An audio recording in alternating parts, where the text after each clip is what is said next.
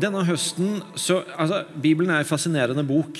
Eh, enten den er ny for deg, eller du har holdt på med den en stund. Jeg opplever stadig det at uh, historier som jeg tenker de kan jeg jo. De har jeg styr på, de har jeg lest mange ganger. De er nesten litt ferdig med. Så plutselig så dukker de opp igjen, og så Oi, se der, ja. Der var det noe jeg ikke hadde tenkt på før, eller der traff den på en annen måte enn tidligere. Denne høsten har jeg hatt det litt sånn med fortellinga om Gideon. Eh, noen av dere var på Åpen himmel en av kveldene og hørte meg kanskje nevne det så vidt i en intro der, men jeg har lyst til å begynne så vidt der i kveld òg. Fordi at eh, Fortellinga om Gideon er fortellinga er en fortelling hvor vi møter israelsfolket, Guds folk, på et punkt hvor de har vendt seg bort fra Gud, og hvor de er beleira av et annet folk, midjanittene, og hvor de blir på en måte herja med, hersa med, styrt over på en måte som ikke er god, som gjør at det ikke er godt å være israelitt og leve i Israel. Og Så møter vi Gideon. Det står i Dommerne 6, fra vers 11. Da kom Herrens engel og satte seg under eiketreet i Ofra, det som tilhørte Joash av Abieser-slekten. Gideon, sønnen til Joash, holdt på å treske hvete i vinpressen for å berge kornet fra midjanittene. Da viste Herrens engel seg for ham og sa til ham, 'Herren er med deg, du djerve kriger.' Gideon svarte han, 'Hør på meg, Herre. Hvis Herren er med oss, hvorfor har da alt dette hendt oss?' Hvor er det blitt av alle hans under, de som fedrene våre fortalte oss om? De sa at det var Herren som brakte oss opp fra Egypt. Men nå har Herren forlatt oss og gitt oss i hendene på midjanittene. Det er en vond situasjon for israelsfolket. De har det ikke godt. De er, som jeg sier, de blir, blir styrt av noen andre, og, og, og, det er ingen god situasjon å være i.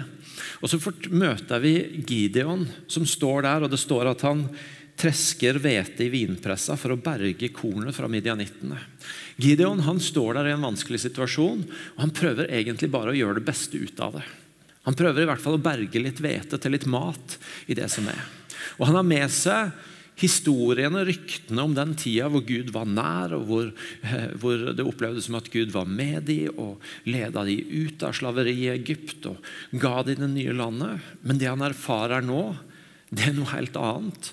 Og Han syns det er vanskelig å forholde seg til det han har hørt i historien. Og så står han der og tresker litt hvete og prøver å gjøre det beste ut av det. Og inn i det så kommer Gud, Guds engel, og taler til han og møter han. Og så skal vi ikke gå inn i hele resten av historien, men så er det en historie om hvordan Gud tar Gideon ut av og gjør det beste ut av det. Og inn i en helt ny historie hvor Gud gjør noe nytt med Gideon og med folket. Og, og, og tar det inn i noe annet, i noe nytt som Gud har på hjertet.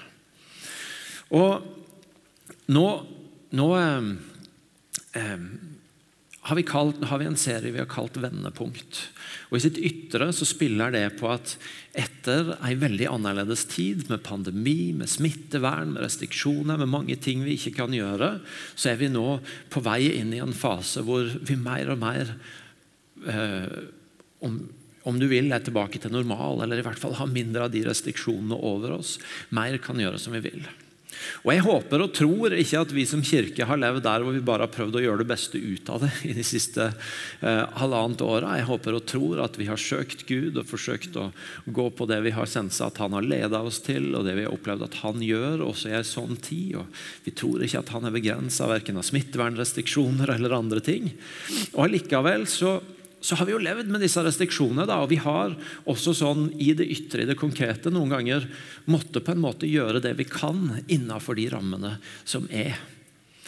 Og så er det noe med at når vi nå har mulighet til mer, og når hverdag på en annen måte kommer tilbake, så ønsker vi ikke å leve på et sted hvor vi bare gjør det beste ut av det. Eller hvor vi bare tar til takke med at ja, det er jo så bra i seg sjøl at vi får komme sammen, at vi får gjøre mer enn vi gjorde før. At, at, bare vi får gjøre det, så er det godt nok. Vi gjør det beste ut av det. Vi har lyst til å få tak i hva er det Gud har på hjertet nå. Hva er det Han har lært oss i den tida som ligger bak, kanskje gjort iblant oss, som det er viktig for oss å ta med videre. Hva er det som vi kanskje har opplevd, som vi har lagt oss til av vaner, som, som har på en måte blitt en ny hverdag for oss, som, som det nå er tid for oss å reflektere litt kritisk over. Hva skal jeg legge fra meg, og hva skal jeg ta med meg inn? Vi har sagt masse om at vi skal ikke tilbake til det som var, men vi skal inn i noe nytt. Vi skal inn i en ny normal. Og så er det allikevel noe med, når det er et sånt vendepunkt i det ytre, å også spørre hvordan er Guds vendepunkt for oss åndelig talt i å, i å ta imot Gud? Hva har du for oss i det som ligger foran? Hvordan ser det ut for oss ikke bare seile inn i å ha lov til å gjøre mer og få mer normalitet, men å men å, men å litt sånn intensjonelt spørre Gud hva skal jeg få ta med meg inn? Hva skal jeg legge fra meg? Og enda viktigere enn de to spørsmålene, hva er det du gjør akkurat nå? Hva er det du tar oss inn i akkurat nå? Og Det er noe av bakteppet for at vi disse tre ukene har en sånn overskrift som heter 'vendepunkt'. Hvor Når vi har vært sammen som stab og bedt ved starten av dette semesteret, så er noe av det Gud har gitt ganske mange ord på, det har vært dette med å eh, ta, ta, vare på grunnmuren deres. Ta vare på kjernen i det jeg har gitt dere, de dere er. Og Derfor så bruker vi tre søndager på egentlig å minne hverandre litt om dette er noe av kjernen i det vi er som menighet, og det livet vi tror Gud har gitt oss. Og Vi har ofte oppsummert det i en trekant, hvor vi snakker om Guds nærvær, Guds familie og Guds godhet. Og så er målet med å minne hverandre litt om hvem er vi Hva er det Gud har gitt oss? Og at vi alle reflekterer litt over hvordan, hvordan er det jeg vil hva, hva, hva tror jeg det er Gud leder meg til i den tida som ligger foran? Eh, hvordan ønsker jeg å, å velge å leve? i den tida som ligger foran. Og at vi sammen og individuelt gjør oss noen tanker om det og er i en prosess på det.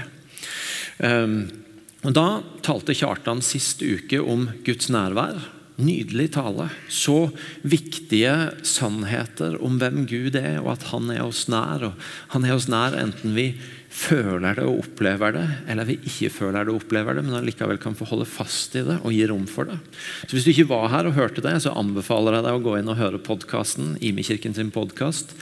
Der vil du få høre det Kjartan delte om Guds nærvær. Og Så skal vi se litt mer inn i det med Guds familie i dag. Det med fellesskap. Det å leve i fellesskap. Det å være som menighet og som fellesskap en, en Guds familie. Og minne hverandre litt på hva betyr det og spørre hverandre litt hvordan ser det ut i den tida som ligger foran.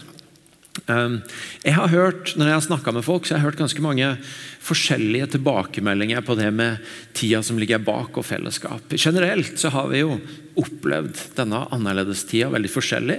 Og jeg har også hørt forskjellige ting når det kommer til det med fellesskap. Jeg har hørt noen si ja, nå har vi jo virkelig oppdaget hvem, hvem det er vi er med. Når vi på en måte måtte skjære ned til en mye sånn mindre eh, nærkontaktmengde, så har jeg jo virkelig sett hvem, hvem det er faktisk er med. Andre har sagt jeg, nå ble det jo veldig uklart for meg hvem jeg er med, for hvem var det som var der når ting ble annerledes og en del av de vanlige rammene og plattformene og møtepunktene forsvant. Noen har sagt at jeg skal leve annerledes etterpå. Jeg skal være mindre travel, gjøre mindre, for jeg skal ha mer plass til folk og til relasjoner. Og Ikke minst så har FHI skrevet om en undersøkelse de har gjort, eh, som forteller at i løpet av denne tida så er det flere som sliter med ensomhet og psykiske plager. Unge og aleneboende sliter mest, og blant studenter så er én av tre ensomme. Ensomhet var et ganske stort problem i samfunnet vårt før covid. Og tilbakemeldingen er at det bare er blitt verre i den tida som kommer. Og Det betyr at uten å kommentere på de ulike sånn, eh, forskjellige takeawaysene, så er det noe med at den tida som ligger bak, har antagelig også gjort et eller annet med oss i forhold til opplevelse av relasjon, av fellesskap, av tilhørighet, av om jeg er alene eller om jeg har mennesker rundt meg. Og det er egentlig litt viktig å ta litt på alvor. Spørre seg sjøl litt hva gjør det med meg? Og hvordan vil jeg la det være i tida som ligger foran? For det er ikke noe rart at jeg og du En av de tinga vi ganske fort tenker på når vi tenker på hvordan vi har hatt det i det halvannet året som ligger bak. Tenker på folk, på relasjon, på fellesskap. På i hvilken grad har jeg kjent at jeg har noen der, og hvordan har det fortont seg, osv.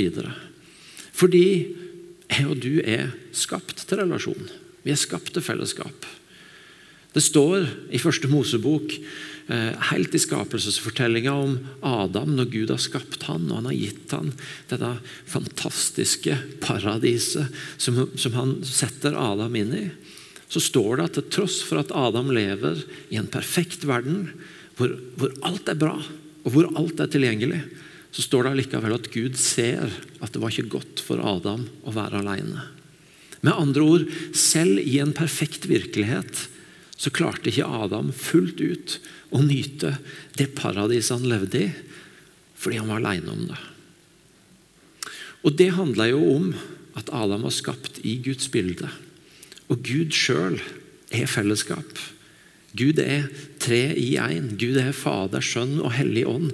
Og de har et fellesskap sammen. De er en familie, om du vil. De er et fellesskap som peker på hverandre, som ærer hverandre, som, som, som spiller på hverandre.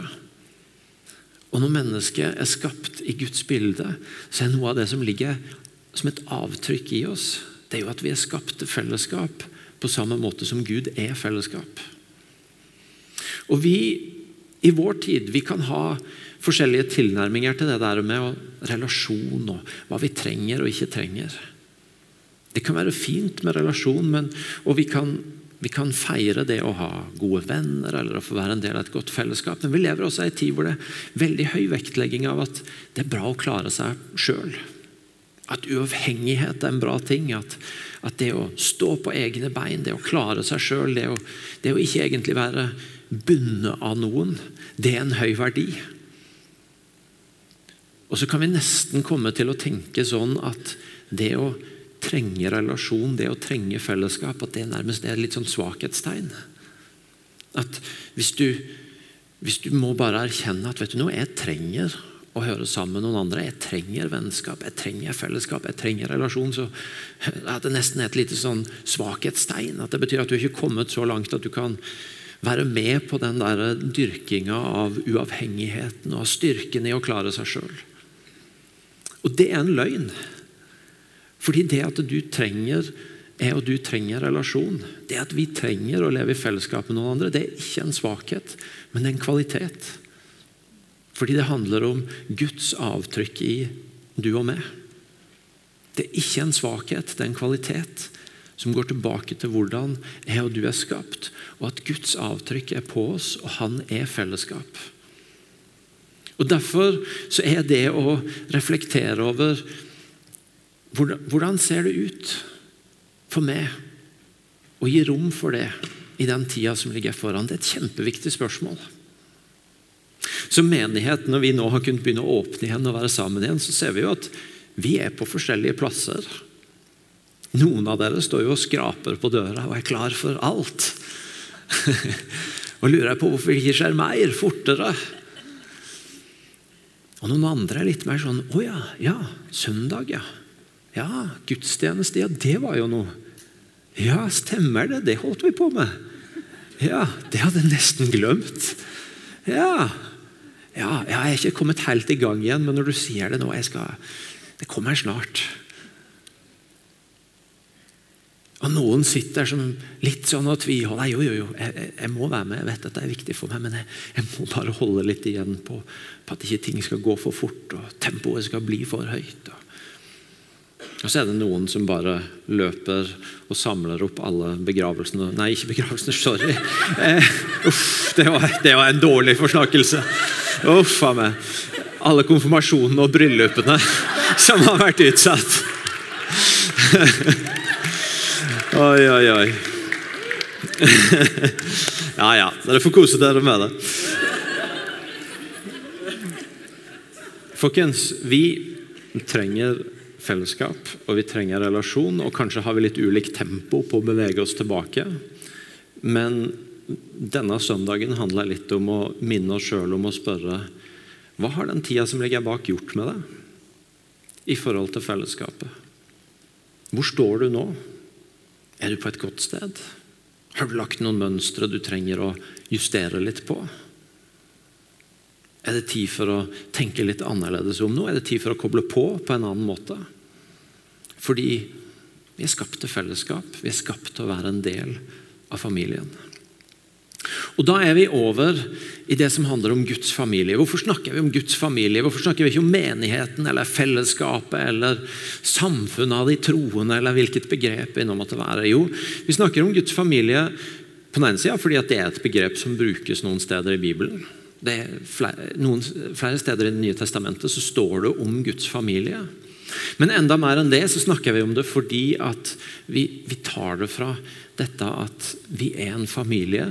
Fordi det som grunnleggende konstituerer oss som fellesskap, er at vi får ha Gud som far, og vi får være søsken med hverandre. Og det er kanskje noe av det jeg har aller mest lyst til å si noe til oss om i kveld. Det er dette her å minne oss om at dette, dette, familiebegrepet det kan skape så mange forskjellige assosiasjoner hos oss, og forventninger. Og Det er mange som bruker familiebegrepet langt utenfor kirka òg. Fotballfamilien og, eh, og, og, og, ulike bedrifter bruker det om på en måte teamet av ansatte, den eller den familien osv. Det, det er et populært begrep å bruke, som på ulike måter uttrykker dette at at vi har et behov for tilhørighet, og at vi ønsker å skape en sånn tilhørighet og en samhold og en eierfølelse. Også. Og så kan det skape masse forskjellige forventninger av hvordan vi bør være og hva vi bør gjøre som fellesskap. Og så er det bare viktig for meg å ta, ta tilbake til at det grunnleggende, det som konstituerer oss som Guds familie, det er at vi har Gud til far. Og at det gjør noe med måten vi ser hverandre på og relaterer til hverandre på. Paulus skriver i Romerne 8 om noe som skjer med oss når Guds ånd kommer inn i oss. Romerne 8 fra vers 14. Alle som drives av Guds ånd, er Guds barn. Dere har ikke fått den ånden som slavene har, så dere igjen skulle være redde. Nei, dere har fått ånden som gir rett til å være Guds barn. Den som gjør at vi roper 'Abba, far'. Ånden sjøl vitner sammen med vår ånd om at vi er Guds barn. Men er vi barn, er vi også arvinger. Vi er Guds arvinger og Kristi medarvinger. Så sant vi lider med Han, så skal vi også få del i herligheten sammen med Han. Når vi bekjenner troa på Jesus og får Guds ånd i oss, så er noe av det Den hellige ånd gjør i oss, hjelper oss med, det er å si 'pappa', 'far'. Det å få inn en, en, en, en forståelse, et rop, en relasjon til Gud som, som forstår at han er noe annet enn en, enn en stor, mektig, litt fjern skikkelse. Han er far. Han er pappa. Og vi er barn. Vi har, vi har barnekår. Vi er sønner og døtre. Vi, vi får ha den relasjonen til Gud sjøl. Og der kommer identiteten vår fra. Og det er noe av det viktigste med denne familietanken. At vi, at vi får inn den forståelsen av at oi, vi kan, vi kan, bruke fellesskap og relasjoner til å bygge identiteten vår på så mange slags vis. Vi kan bruke det til Oi, se hvem jeg henger med. Se de kule vennene mine. Det betyr jo at jeg må være minst like kul. Eller Å, se hvem jeg får dra på ferie med. De har ganske god råd. Det betyr jo at jeg må være rimelig godt i det sjøl.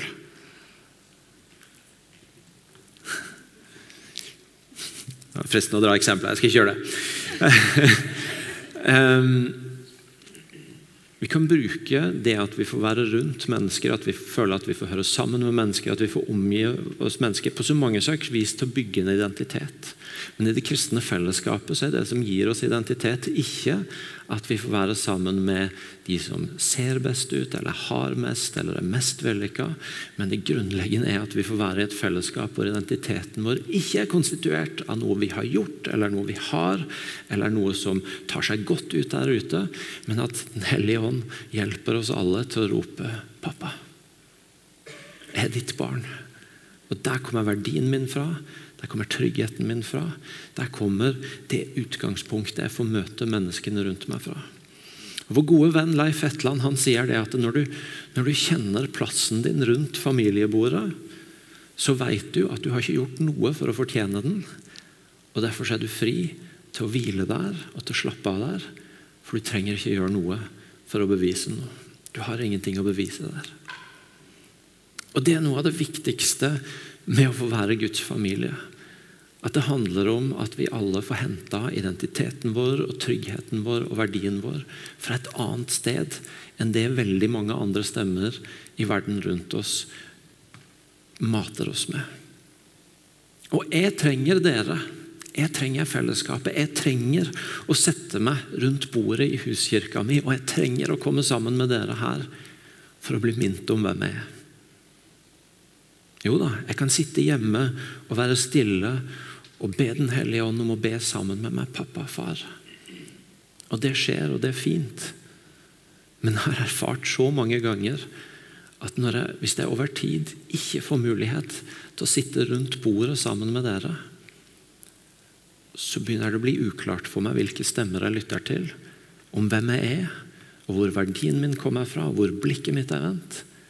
Jeg trenger dere for å huske på hvem jeg er. Og Det er en av de viktigste tingene som skjer i familien. At vi får lov til å komme sammen og bli minnet om å ja, det var sånn det var. Det er der verdien min er. Det er der jeg henter tryggheten min fra. Det er det bygger jeg livet mitt på. Og fra det så går denne her verdien for at oi, jeg får være en del av en familie som ikke er bygd på at vi alle er like. At vi alle har gjort oss fortjent til et eller annet. At vi alle ser like ut, eller har like mye, eller er interessert i de samme tinga. Men jeg får være med i en familie som egentlig er ganske mangfoldig og forskjellig. Fordi det som binder oss sammen, er ikke alle de greiene der, men det at vi er Guds barn. Og Noen ganger når jeg har vært i settinger hvor hvor det på mange måter kan være kjekt å være, fordi det, det er mange som er like der. Og, og, det er veldig lettvint, for folk ler av de samme tingene eller vil snakke om de samme greiene. og alt det der. Så kommer jeg inn i dette rommet her og så tenker jeg, å, deilig. Heldigvis er livet mye større enn en gjeng som ser like ut og tenker likt og ler av de samme tingene og vil snakke om de samme tingene. Heldigvis så får jeg være del av en mye større og bredere familie. Og det er Guds familie. Og så er det ikke sånn at vi alltid lykkes i å være et fellesskap hvor det eneste som skjer, er at du får identiteten din bekrefta, eller at vi alltid lykkes i å romme så bredt som vi skulle ønske. Men det er det vi ønsker å strekke oss mot. Og I den tida som ligger foran nå, så tenker jeg det er noe av det jeg håper Gud vil gjøre blant oss. er bare å enda mer gjøre oss både til huskirker og til storfellesskap. For når du kommer inn, så får du hjelp til å se ah, dette er den jeg er.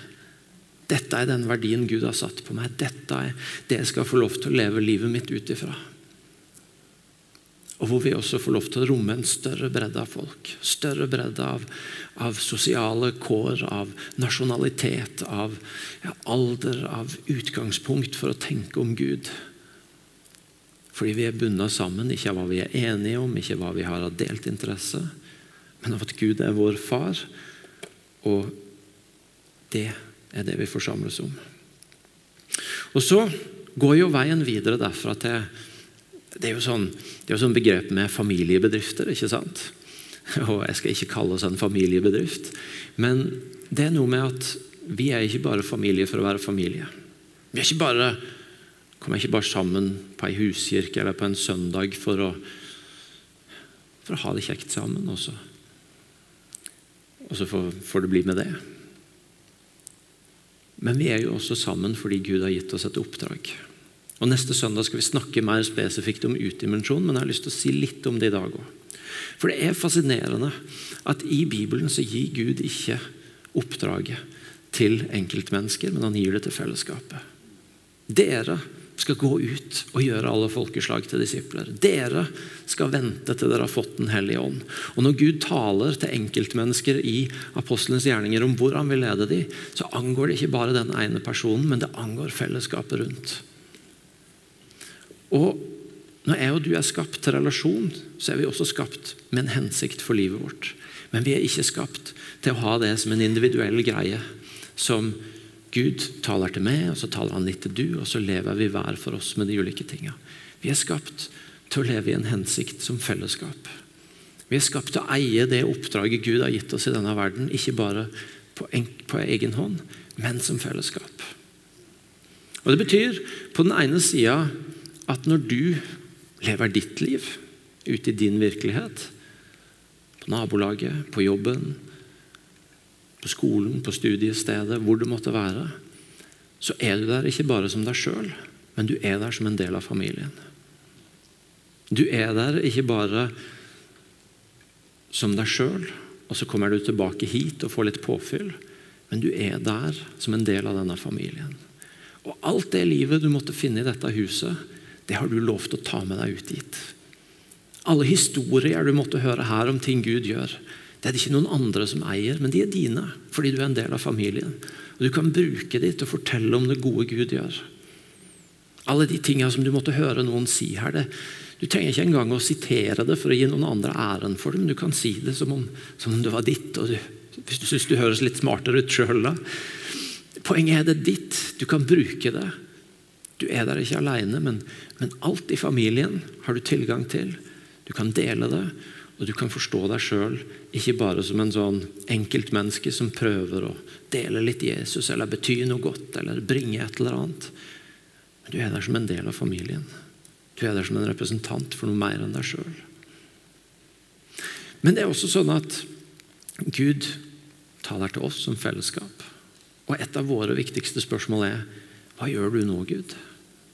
Hva er det du gjør i denne tida? Hvordan ser det ut for oss som fellesskap å samle oss om det? Og Det er jo en sånn ting som kan være veldig spennende så lenge vi snakker om det på 10 000 fots nivå. Oi, det ser ut som at, som at det er en god del mennesker som, mennesker som har som har faktisk oppsøkt Gud når, har gjort, når, det har skjedd mye mer digitalt og på skjerm. Det er jo spennende. Det ser ut som Gud gjør noe der. At folk som er søkende, finner veien gjennom at vi er mer tilgjengelige på digitale flater. Wow! Å ja, det er et seminar for medarbeidere til streaming og sånn. Kan det være at noen av oss må bli med der og bli medarbeider for at vi skal få til det? Og nå ut der? Wow! Det mest spennende stedet å være på åpen himmel i sommer, det var jo det var på youth camp. Der skjedde det så mye. Ser ut som Gud gjør noe blant ungdommene. Wow, det er spennende. Å ja, hvis vi skal forvalte det, så må noen av oss melde oss som medarbeidere og være med å tjene der. Dere tar poenget. Vi, vi stiller spørsmålet som familie hva er det Gud gjør? Hva er det Han tar oss inn i? Og det er inspirerende der oppe. Og så har det en oppfølging for oss som familie, og det er Ok, hvem av oss vil være med å tjene hvis vi skal forvalte det? Og Nå er det ei tid hvor en av måtene jeg og du kan koble oss på fellesskapet på, det er at vi må bli med å tjene. Der hvor Gud gjør noe, der hvor vi ser at nå er det viktig at det skjer noe for å forvalte akkurat det som er i denne tida. Det er en viktig tid for barna våre. Trengs masse medarbeidere. Det er en viktig tid for ungdommene våre. Trengs folk som vil være med å tjene.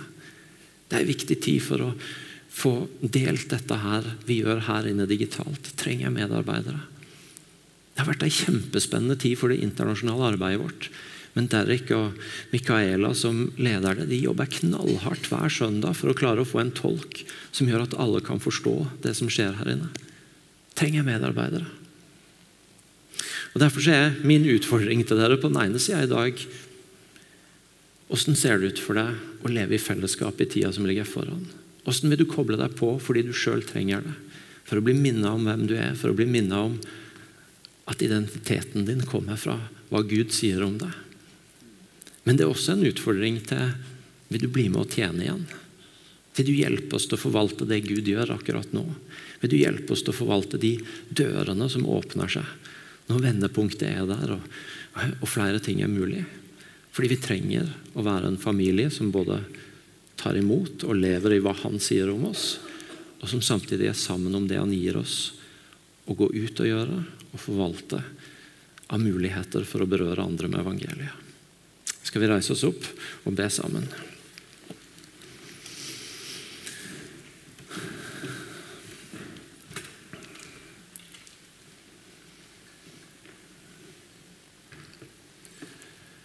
Kjære, gode far. Jeg takker deg for det utrolige privilegiet at vi kan få kalle deg far. Og jeg ber deg om at vi skal få være en familie som er definert av at vi sammen kan si pappa, far. En familie som er definert av at vi hjelper hverandre til å huske hvem vi er, og hvem du har sagt at vi er. En familie som ikke bare kaster et familiebegrep ut for å høres ut som et attraktivt fellesskap, men en familie som tar hverandre dypere i å eie og forstå at vi er dine barn. Jeg har lyst til å be deg for de her inne som som kjenner at de, de har med seg inn i denne høsten usikkerhet på hvor de står i forhold til fellesskapet, i forhold til du, far, i forhold til sin egen identitet og verdi. Så ber vi deg om at du møter og berører dem nå. Om at du skaper et vendepunkt hvor en blir trygg på tilhørigheten, og hvor en blir trygg på identiteten.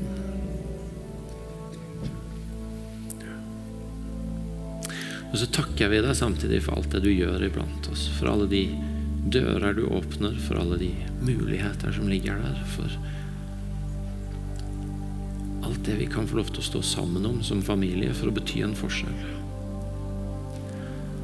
Og så ber jeg deg om at du taler til hjertene til hver enkelt av oss om hvordan det ser ut å være sammen om det.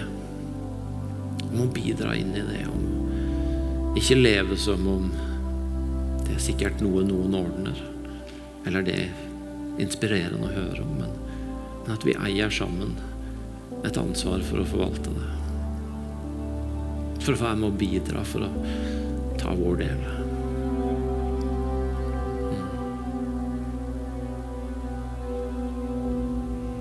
Tal til oss i denne tida om hva du gjør, og hjelp oss til å forvalte de dørene du åpner for oss, og de mulighetene du gir, på en god måte.